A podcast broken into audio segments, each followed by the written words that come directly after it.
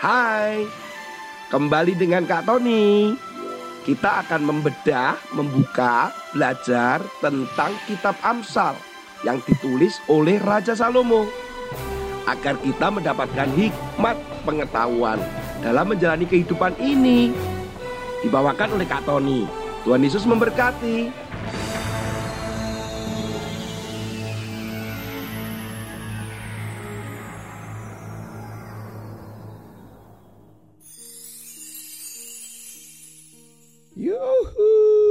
Ketemu lagi dengan Kak Tony. Anak-anak, kalian pernah nggak punya mimpi nih menggunakan balon yang ditiup itu loh, balon yang bisa terbang tapi pakai hidrogen bisa menerbangkan kita sampai ke langit. Kak Tony ini pernah loh berandai-andai ketika Kak Tony beli balon satu kali minta juga kepada papinya Kak Tony untuk membelikan balon lebih dari satu. Kemudian Kak Tony beli banyak, lebih dari satu. Kak Tony lupa berapa gitu. Terus ditanya, untuk apa? Oh aku pingin terbang kataku. Karena saya pikir semakin banyak balon, kemudian Kak Tony bisa terbang ke langit gitu. ya diketawain lah sama papinya Kak Tony mana mungkin menggunakan balon bisa terbang sampai ke langit. Nah, itu sepertinya mimpi gitu ya. Tetapi ada kejadian yang menarik sekali anak-anak. Kalian pernah nonton film Up? Ah, pernah nggak? Film judulnya Up yang diproduksi tahun 2009. Nah, anak-anak, ternyata ada sebuah kejadian yang menarik sekali.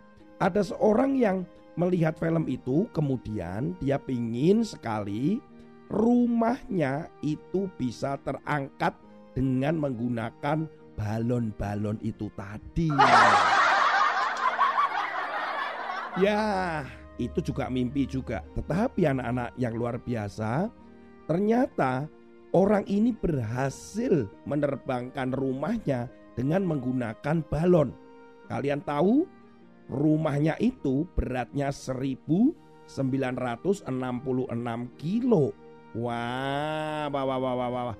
Maka diperlukan tali dan pemberat yang begitu banyak. Bahkan balon-balon itu ada kurang lebih 300 balon berisi helium. Tentunya yang besar-besar anak-anak. Dan rumah ini ternyata bisa terbang ke angkasa pada ketinggian 3050 meter atau kurang lebih 3 kilo anak-anak. Ya. Rumah balon ini melayang selama dua minggu dan pada bulan Februari dan Maret tahun 2011. Nah ini luar biasa sekali ternyata orang-orang itu punya cita-cita rumahnya bisa terbang seperti di film itu. Eh ternyata apa yang dicita-citakan dan diimpikan itu berhasil. Dan ternyata bisa terbang dengan balon yang jumlahnya 300 itu. Dan mereka ada di udara selama dua minggu. Apakah kalian juga punya cita-cita? Semua pasti punya keinginan ya. Yang penting itu anak-anak, kita juga melihat firman Tuhan yang ada di dalam Amsal pasal yang ke-11 ayat yang ke-23. Keinginan orang benar mendatangkan bahagia semata-mata. Harapan orang fasik mendatangkan murka. Keinginan orang benar, keinginan orang benar itu siapa? Ya kamu, anak-anak dan Kak Tony. Kalau kita hidup benar. Kita ini selalu di kitab Amsal ini sering kali diingatkan tentang orang benar. Orang benar selalu. Orang benar adalah orang yang melakukan firman Tuhan. Orang yang percaya kepada Yesus orang yang di dalam hatinya ada kebenaran yaitu Yesus itu sendiri. Jadi kalau engkau punya keinginan, Kak Tony juga punya keinginan, boleh-boleh saja. Asal keinginan itu atau mimpi atau bahkan cita-citamu itu semua dikehendaki oleh Tuhan Yesus. Artinya apa Kak Tony? Ya tentunya semua keinginan cita-cita itu untuk kemuliaan namanya. Untuk menjadi berkat buat orang lain. Bahkan untuk kemasyuran bahkan untuk kehormatan nama Tuhan Yesus sendiri. Kalau seandainya keinginan kita itu bertentangan dengan kehendak Tuhan, tentunya itu yang dianggap sebagai apa? Mendatangkan murka. Itu tidak menjadi kesenangan Tuhan Yesus. Jadi kalau kita ingin punya cita-cita, keinginan, tanya dulu dengan Tuhan. Bisa nggak Kak Tony tanya dengan Tuhan? Bisa dong. Kan kita bisa berdoa. Kita juga bisa bertanya, Tuhan, aku ini ingin ini loh, aku ingin itu. Bukan seperti Doraemon itu. Aku ingin begini, aku ingin begitu. Semua keinginannya dipenuhi semua oleh si Dorem, Dorem apa tuh? Doraemon. Kalau kita sebagai orang benar, kita harus tanya dengan Tuhan, apakah keinginan itu baik. Ada loh anak yang punya keinginan tuh begini, aku ingin supaya temanku itu jatuh. No, itu kan gak boleh itu. Harapannya supaya dia jatuh atau sakit. No, itu gak bisa dong. Kenapa? Karena itu kejahatan. Tentu itu bukan kehendak Tuhan. Itu keinginan dan kehendakmu sendiri. Jadi kembali lagi anak-anak milikilah harapan, cita-cita.